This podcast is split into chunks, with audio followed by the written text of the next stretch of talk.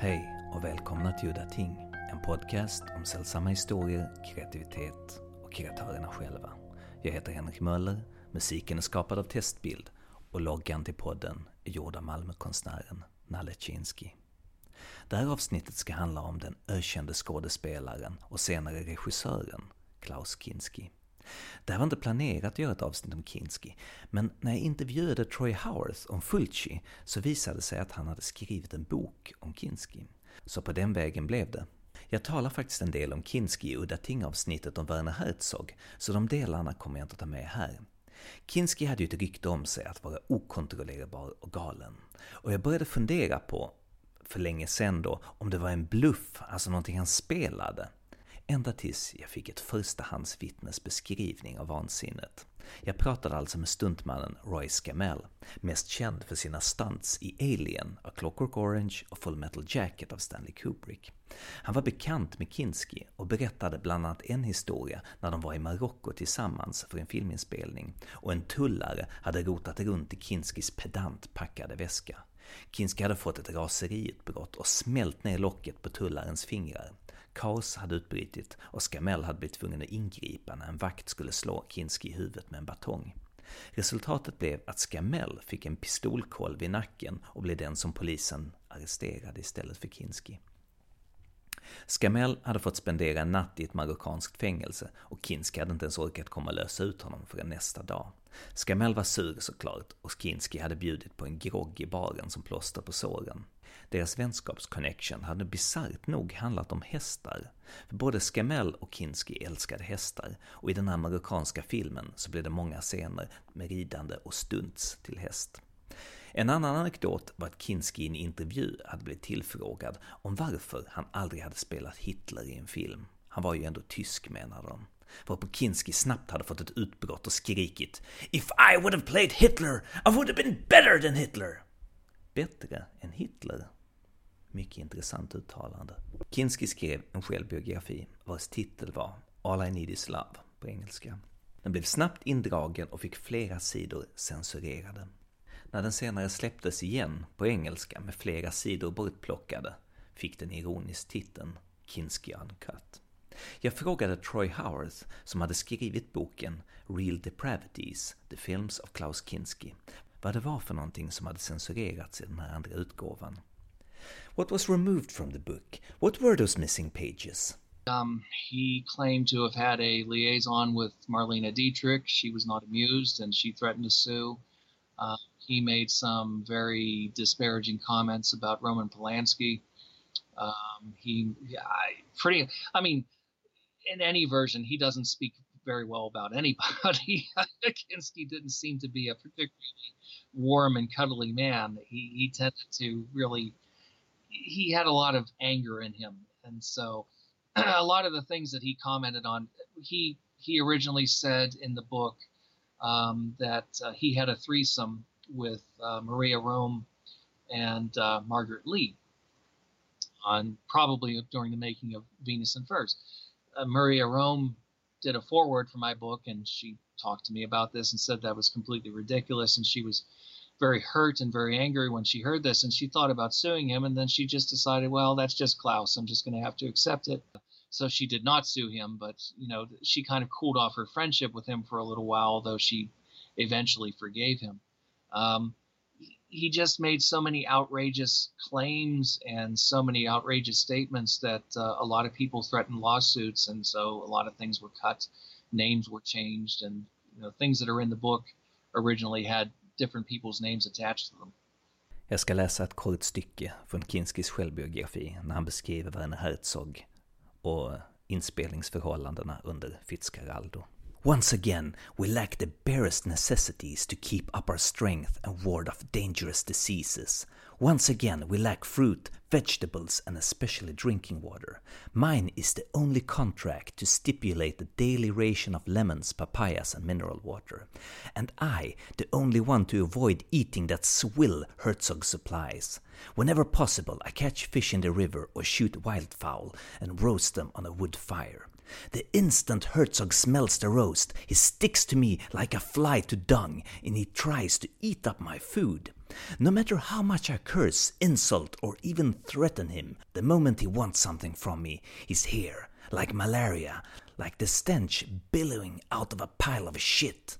He's the same decaying garbage heap he was ten years ago, only more moronic, more mindless, more murderous. Once again, Herzog and his cameraman go for weeks without washing. Once again, their clothes are stiff with filth. Not soil, not mud, not clay. No, filth! Exclamation mark. Their own filth. For hygienic reasons, the thin leather over the rubber edge of the viewfinder normally ought to be changed daily. But it's not changed for weeks, no, months. So it's covered with this blackish grayish slime, and it stinks so unbearable I can't even go near the camera. Furthermore, they're all disgustingly lazy and voracious. They're still asleep at 8 or 9 a.m. in the morning, whereas the jungle dawns at 3, and its wondrous and enchanting light reveals creation in all its mysterious power and purity. Ja, som ni ser, det krävs inte något geni för att fatta att det här är ren ut lögn och vansinne från Kinskis sida. Kinski's autobiography is really something else. Probably the most insane autobiography ever written, constantly vulgar and over the top. There are so many crazy stories about Kinski that, that it more often than not drowns out his talents as an actor one of the things that I wanted to do with my book was actually not go into that so much because there's been so much talk about that. I just wanted to focus on his work as an actor.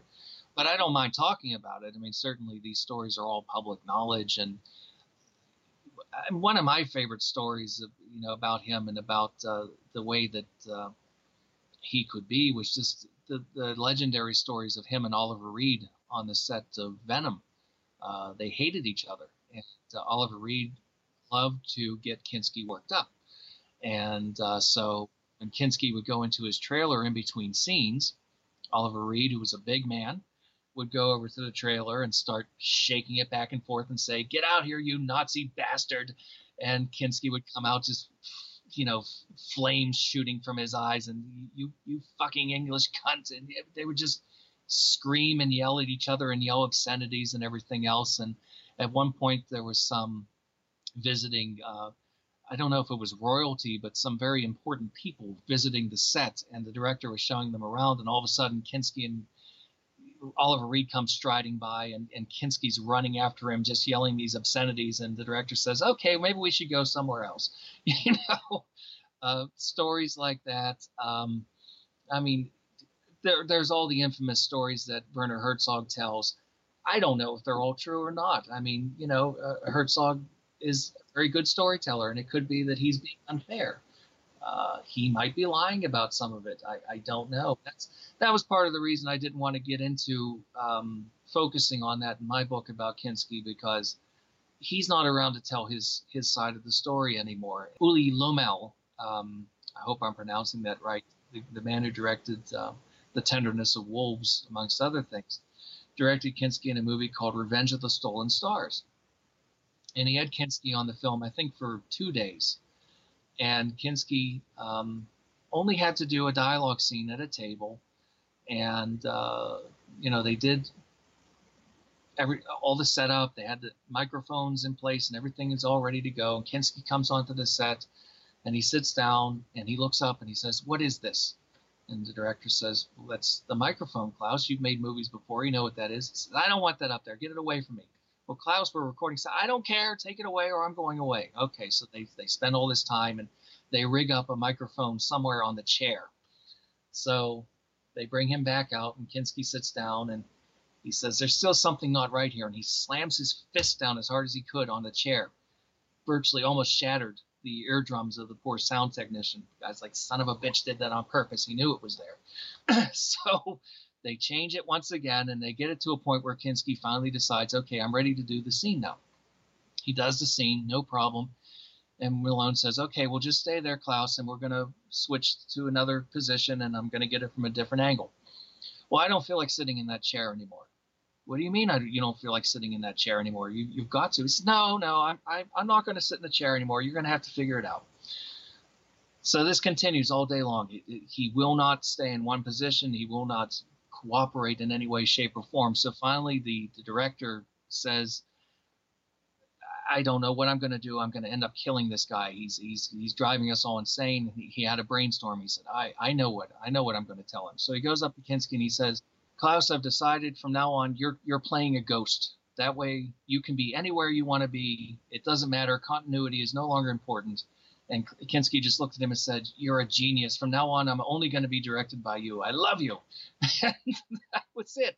And if you see the film, you'll see he just, he's here one moment, he's there another moment. And it was him at that point. By that point, this is in the, the late 80s, he was completely out of control. Uh, he was no longer even remotely professional in many respects. He just reached a point where nobody could manage him anymore. Yes, after his death, his medical records came into public domain, and it turned out he had schizophrenia. He had that. I think also, I would assume it was the 80s. There was a lot of cocaine around. I think adding uh, cocaine into the system, of somebody who definitely had a mental health issue, um, added immensely to his his problems. I, I think he really was just he was out of control.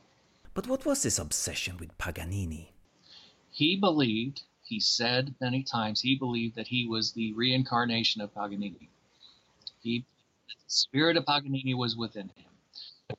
Now, did he really believe that, or was he just saying that for publicity? I don't know. Maybe he really did believe it. It's interesting. He he would give these interviews where he disparaged Werner Herzog as a no talent hack. The only reason that Herzog's movies are any good is because of me. When I'm in his movies, they're good. When I'm not in them, they're shit he tried to get Herzog to direct Paganini. So what does that tell you? I mean, obviously he knew that Herzog was no no talent hack. Herzog took one look at that script and said, "This is not filmable. I can't do this." And he knew if I'm going to try to direct Kinski in his passion project, this is not going to go well.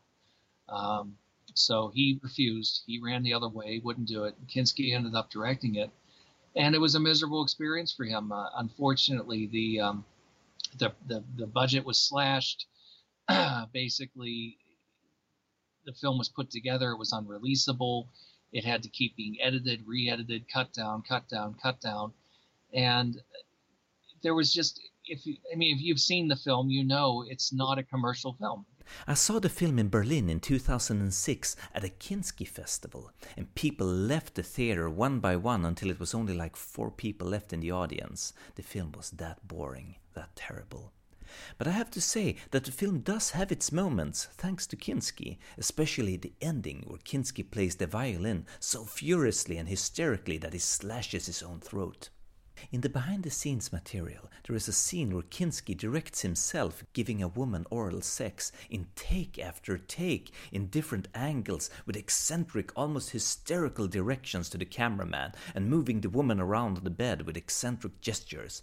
And you wonder what the hell is he trying to achieve? It's a completely insane movie. It makes very little sense. It's very stream of consciousness.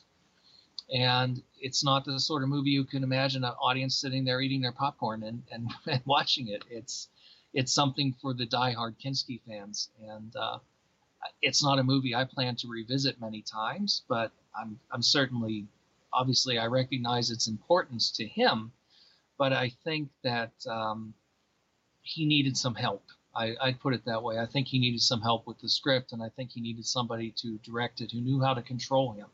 Um, if Herzog could have found some way to have made that film with him, I think it would have turned out to be something special. But as it is, it's a very, it's a very bizarre movie. We'll just put it that way.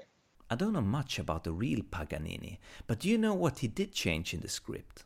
Off the top of my head, I don't recall the specific changes that he made. It's, this is obviously uh, this is uh, Paganini according to Kinski, and uh, this he at what point he developed this fixation on the story, I don't know.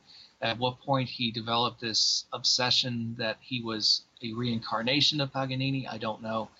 Um, it was something that I think you know Paganini, in a way, you know, not to sound too flippant about it, you could regard him as almost being the first rock star.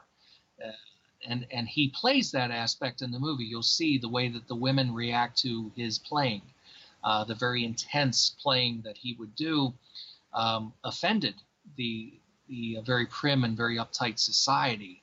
But the women were just, you know, absolutely turned on by this and just regarded him as some kind of a uh, you know, a, a, sex object. And I think he liked that, and I think that's how he fancied himself. And going back to his his time doing uh, theater work and so forth, and of course we know about his infamous um, Jesus tour, how he interacted with the audience there. Although, in fairness, if you've ever seen the the documentary about that, um, a lot of the yeah, the, the, audience, a lot of the audience was very disrespectful to him, and, and no performer should have to put up with that sort of thing. So. Um, I think he, I think that might have been how he came to relate with that. I think he liked that idea of somebody who was pushing the boundaries of performance art. And he saw himself in the same way, and that's how he saw Paganini. So the two became conflated for him. Yes, the way he manically starts over again and again every time someone in the audience interrupts him by making the slightest noise. And you know, this is a big arena, a show with thousands of people, so you can imagine how impossible that would be. And at the end, hours and hours later, Kinski is left with like 10 to 5% of the audience. Everyone else has left, and someone interrupts him again. He's really tired and he goes like, for fuck's sake, shut up, and he starts over again. It's really tragic comedy.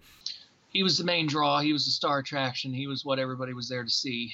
Um, he was kind of like the the wild circus animal that they were that they were paying to see. You know, you go to a you go to a concert, there's usually a you know an opening band or, or whatever, but you know you're there for the, the primary name. So he was the name, he was the star attraction, and uh, his reputation preceded him. So you know, as you see in the in the documentary, they uh, they taunt him, they yell at him, they uh, provoke him, and um, maybe he didn't handle it very well. But again, I mean, what actor would want to go out on stage and have people yelling insults at them? That's just disrespectful. I've seen the documentary on the Jesus tour, and Kinski was a big star, a big name. His name was all over the posters, all over the city. He must have been extremely famous at that time. In Germany, certainly very famous, very famous. He had been Obviously, he had been acting since the late 40s. He had not really become a name until the 60s, um, but he was a star by that point. Um, he, I'm trying to remember, he, he did the Jesus tour right before he went to do Aguirre. So Aguirre helped to put him up even another notch. I, I think the Herzog. I think it's probably true to say if it weren't for his movies with Werner Herzog, he he would not be remembered as well as he is. Yeah, he did because he he com- uh, Herzog commented about how uh, he brought that with him. He was uh, kind of a a defeated Jesus, as he put it. So um, he he had a tendency to sort of lapse into talking like Jesus at times. Okay, back to Paganini. In the behind the scenes material for Paganini, you clearly see Kinski treating the actors differently. There's a scene with an elder, distinguished actor that Kinski treats very respectfully. So he could if he wanted to. He respected actors. I think it was directors who really just him off uh, he would say over and over again, How can a director direct me how to die? Have they died? No, they don't know anything about that. So just shut up and leave me alone. He hated directors. I think that was the big thing. So I think the fact that he was directing, uh, if he had, you know, there were some distinguished actors in that film, yeah, he probably did treat them with great respect, uh, I'm sure. And uh, he was aware of the fact that they had that experience and he he was going to treat them with respect.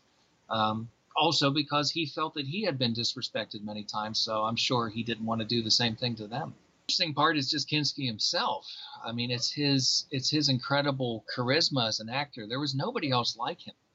Uh, he was very contemptuous about acting and about about filmmaking. He would say over and over again, "I'm just a whore. I do whatever you know. If they pay me, I come and I do it." And uh, he expected to be paid top dollar. He insisted over and over again that he had turned down Kurosawa, he had turned down Fellini, he had turned down Ken Russell, he had turned down Ingmar Bergman, he turned down Luchino Visconti. He said, I don't care about these people and their names and their reputation. If they're not going to pay me what I want, I'm not going to do it.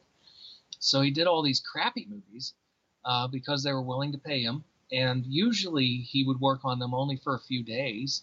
And very often it, it was true. It was because they couldn't handle him for more than just a few days.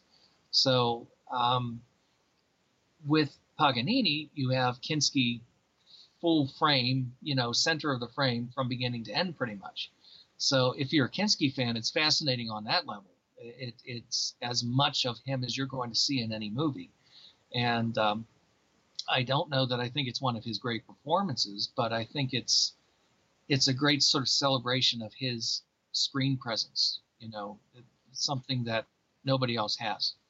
He had a vision. I mean, you got to give him credit. He had a vision. I, whether it was whether it was the right vision or not, I don't know. I don't think anybody can make that determination. He was very, very aware of the fact that he he was making the film that he wanted to make for so many years, and I think he was trying his best in his own way to to make the best of it.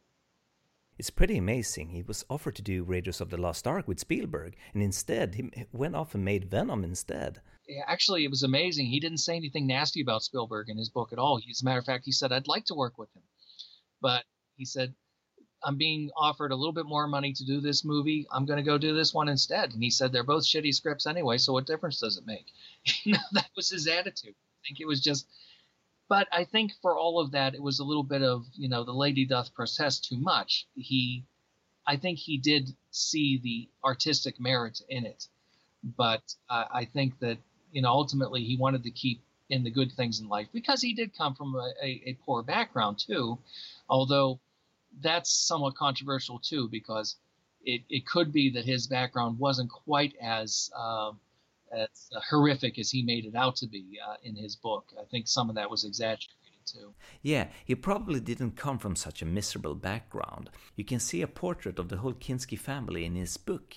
Poor families in those days usually couldn't afford to take photos like that. I think I, I don't think that they were swimming in money, but I think they had enough. I think I think if he did have a hard time, and I believe he probably did have a hard time later on when he started out as an actor, those those first early years, um, especially after the war. Of course, he was a POW during during uh, World War II, and uh, I think he did go through some very lean times then. But I think when he wrote his memoirs, he was really romanticizing how awful. It, it sounds like something out of Charles Dickens. It's like David Copperfield, his childhood. I don't think it was. I don't think it was quite that. What do you think is Kinski's greatest screen performance? It's, it's difficult. I go back and forth, but I might go with uh, Woyzeck the Herzog film. I, I love him in that. I think that is such a heartbreaking portrayal of a downtrodden man who is just pushed, absolutely pushed to murder and insanity. You can't help but feel sorry for him. Uh, I loved his Dracula in Nosferatu. I thought he was extraordinary in that. Uh, my favorite film that he was in is Aguirre, The Wrath of God. So yeah, the Herzog stuff is very high up on my list, but uh, other things that he did that I, you know, run the gamut. I, I thought he was fantastic in his small roles in uh, For a Few Dollars More and, and Dr. Zhivago, for example. Um, I loved him in Venom. I thought that was a fantastic performance. It's frankly a better role than he would have had in Raiders of the Lost Ark. So, so there you go. Um, the, the Great Silence. He's one of the most loathsome villains in history in The Great Silence. it, it is such a terrifying performance, and uh, I'm only sorry that he never did dubbing for those films. The story goes he would he was willing to do it if they would pay him some ridiculous amount of money. Otherwise, he would say, "No, I'm I'm not going to be bothered." Now, if there were a few films that he did where it was part of the contract that he had to do it. So, for example, on uh, the movie Grand Slam, uh, great heist movie he made in the late 60s for Giuliano Montaldo with uh, Janet Leigh and uh, Edward G. Robinson. His voice is on the English soundtrack, so they must have had that worked into the contract that time that he would do his own dubbing. Well, he's dubbed even in Herzog's films, so it's very strange. He his voice is on the soundtracks of uh, act. I'm pretty sure was done with direct sound because it's very much like a stage play. I don't think that I think they pretty much got direct sound with that. His voice is on the English and German soundtracks of Nosferatu and Fitzcarraldo, but his voice is not on the soundtrack of Aguirre or um, Cobra Verde. Why is it that his voice isn't dubbed in Cobra Verde? Cobra Verde, by that point, Herzog had had enough, quite frankly. He said that there was a point in the filming of that movie where he realized that Kinski could no longer be controlled and he said at that point he wasn't going to work with him anymore. So I think once Kinski finished his scenes, Herzog was happy to be rid of him, and he didn't try to get him back to do it. On Aguirre, he wanted him to do it. That was their first film together, of course, but again, it was just Kinski was unreasonable as far as the money was concerned, so they decided, okay, we'll just get somebody else to do the voice. His life is pretty much shrouded in mystery those last years after Paganini. It was it was a pretty bad time for him because um, uh, Paganini had not gone well. Uh, he had poured so much of himself into that film, and I think he, I think in his mind he had probably created a masterpiece, and nobody could appreciate it. And I think he probably was doing a lot of self pity during that time. Um, it, it was known that Kinski was not an alcoholic, but he did he did drink on occasion. He probably was uh, indulging in other substances as well, as I've said. And I think he had burned a lot of bridges with a lot of different uh, producers and companies that wouldn't hire him anymore. So I, I, think he had just reached a point where he just didn't care. And I think he was. He was probably just doing, if I had to guess, probably just doing a lot of soul searching during that time and not sure where his career was going to go. But uh, unfortunately, you know, he he pushed himself so hard, and uh, he was he was only in his 60s, but you know, his heart just gave out. He he pushed himself too hard, and uh, he was he was found dead in his in his home, and that was the end of it. I read it was the adrenaline shots he was constantly given to suppress his schizophrenia that apparently affected his heart. I had heard that. I don't, you know, I'm sure that that's probably true too. I mean, it's sad. He was he had attempted suicide. Um, I think it was in the 50s, and uh, he had been confined to a sanitarium for a while, and he was diagnosed with schizophrenia. So he was diagnosed as early as in the 50s. Yeah, I, I believe it was in the 50s, and he, you know, unfortunately, he had problems that were beyond his control.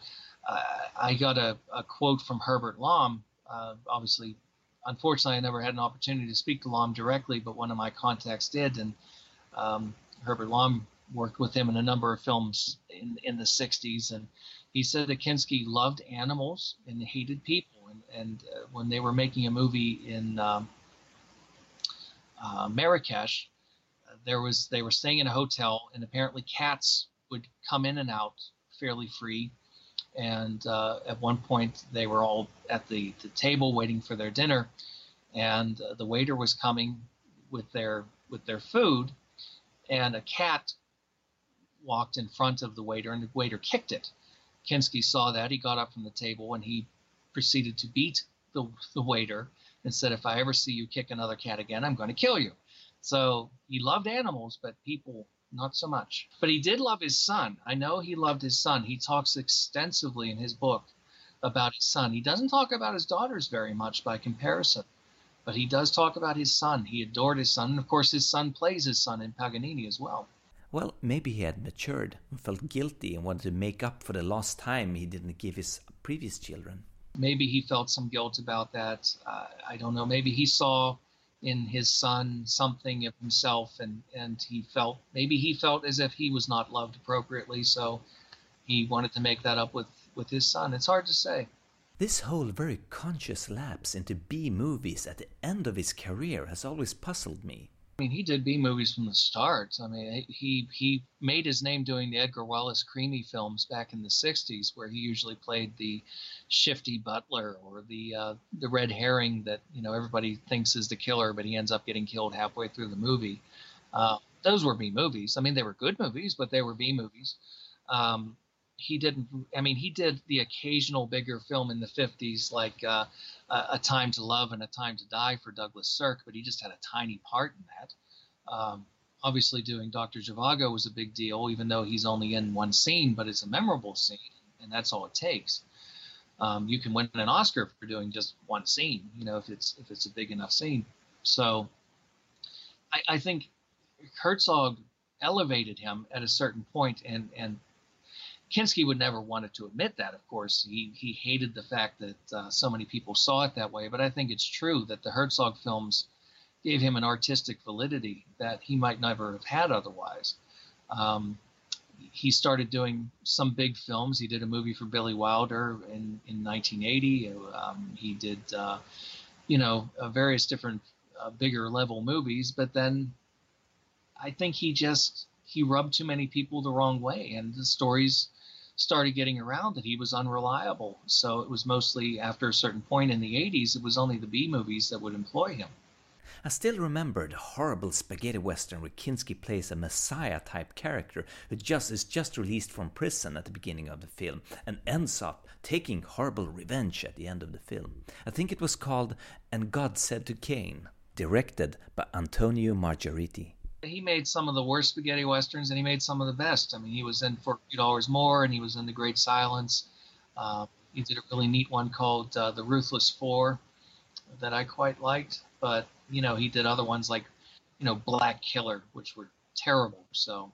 Oh yes, have you seen that alternative happy ending of The Great Silence, where Trintignant's character suddenly reveals a robotic hand and turns the table on the whole situation? It's one of the most ridiculous endings ever made.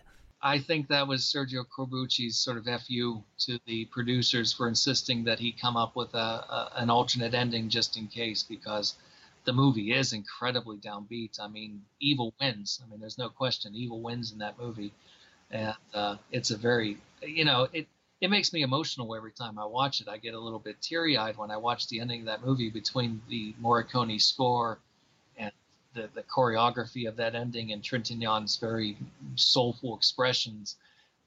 Oh, it's it's a heartbreaking ending. So, yeah, they said, well, you have to film a backup ending just in case, and it was did they use that crazy ending in some of the theaters? They used it in some uh, territories. I think in some like uh, South Africa and even in some of the smaller Italian uh, provinces. I think it was it was used.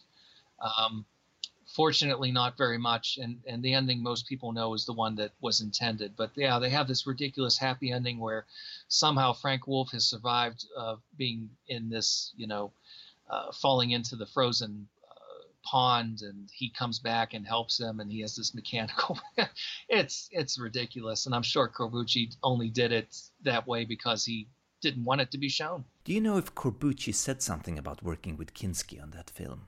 You know funnily enough i haven't found anything as far as as that goes. Um, he didn't work with Corbucci again that I can think of off the top of my head. As far as I know, that was the only one that they did together. But I never found any quotes from anybody. I really, I've never even really heard uh, Trintignant talk about that film. And obviously, he's had such a distinguished career. I don't know if he regards that as an important film or not. I never read any quotes from anybody. Uh, the actress Vonetta McGee, who made her film debut in that, I never saw any quotes from her about it. Um, I don't know. It's it's a curious thing. It's it's a great film, but yet it seems as though it kind of was forgotten for a long time, and probably during that time, a lot of those people passed away. I mean, Trintignant is still with us, obviously, but uh, Vonetta McGee is gone, and uh, Kinski is gone, and Corbucci is gone. Frank Wolff died not that long afterwards. He killed himself. So, um, a lot of the people involved, maybe during that time frame where it was kind of forgotten, maybe that was you know, when they all passed away, and now it's too late to ask them about it. Kinski is really great in The Great Silence. If you think about it, he's very low key. He doesn't do much in it. Frightening. He's legitimately frightening, and it's. I think Corbucci knew how to film him. He knew how to use his eyes, which were so incredibly intense. And Kinski was a great minimalist as an actor, and, and that's not to say lazy, but he understood that when you have a close up, you know, and it's projected on a theater screen, it's it's very big, and you don't really need to do a lot. Um, he um, he registers very very strongly, and uh, yeah, like I said, unfortunately, the, the the sad part of it is that movie in particular has a very bad English dub, and um, I I prefer that one in Italian with English subtitles for that reason because I just think the English dub is not really up to par. Um, the the actor that plays Kinski's voice isn't particularly good. It's a shame, but just watching him and seeing what he's doing, and you know, watch him at the at the end of the film, how cold he is and how just hateful he is as he destroys this uh, this uh, silence character. Yes, but still, even though he had this charisma, he was still a character actor, a type. For the most part, yes, he was a type. Uh, I think that can be said of most actors, to tell you the truth. I mean, there aren't many actors who really are different all the time. Uh, Daniel Day Lewis is one of the very few people I can think of who, every time you see him, he seems to be somebody different. Uh, but on the other hand, how many movies has that man made? He's made maybe a dozen movies, whereas Kinski was in, you know, 150. So, um, you you do become a type, and I think that's true of just most actors. You know, Christopher Lee or Boris Karloff or you know Al Pacino or whatever. You become a type. Um, but he could break away from that, and uh, you you see him in the occasional film where he plays a sympathetic character. He plays a, a, very uh, very sympathetic character in um, uh, the George Roy Hill film with Diane Keaton. I can't remember the title now off the top of my head. Um, uh, the Little Drummer Girl. And he plays a, a, character role in that, and he's very sympathetic, and uh, he did it very well. And if he could only be crazy Klaus and, and villainous Klaus, then he never would have been able to do that. I mentioned Double Face before, the Riccardo Freda film that uh, Fulci had a hand in writing. Uh, you know, he's he's an ambiguous kind of hero in it, but nevertheless, he's he's the good guy, and we're with him, and I think he does a very good job in that as well. So, you know, I think he knew what was expected of him, and he would deliver just the kind of manic, crazy Kinski performances. That's what they wanted. But on the other hand, I think, well, Herzog, look at uh. Look at what a charming performance he gives in that. Uh, the the humor and the warmth that he gives in that film. Um, he he had it in him to do more, but you know, very often, yes, these particularly the B movies, they just wanted him to come in and scowl and and sinister. The reason I took the book on basically was just to say, okay, we know that he was apparently very difficult. We know that he had mental problems. We know that he maybe wasn't the nicest guy, but let's be honest, he was a great actor. Let's look at the films that he did and try to get some sense of his accomplishment and what he left behind. He made a lot of films, not as many as people have said. I, Herzog keeps saying he made 250 movies, something like that. That's not true. Closer to something in the realm of like 120. That's still a lot of movies over the space of, you know, 40 years, 50 years, however long it was that he was acting. So, um, that's a lot of ground to cover. It's a lot of movies to cover. Some of them are awful. The only thing that's worth watching in them is Kinski, but that's a constant through each and every one of them. He's always worth watching. Och med de orden så var det slut för den här gången. Jag heter Henrik Möller. Musiken är skriven av Testbild. Hej då.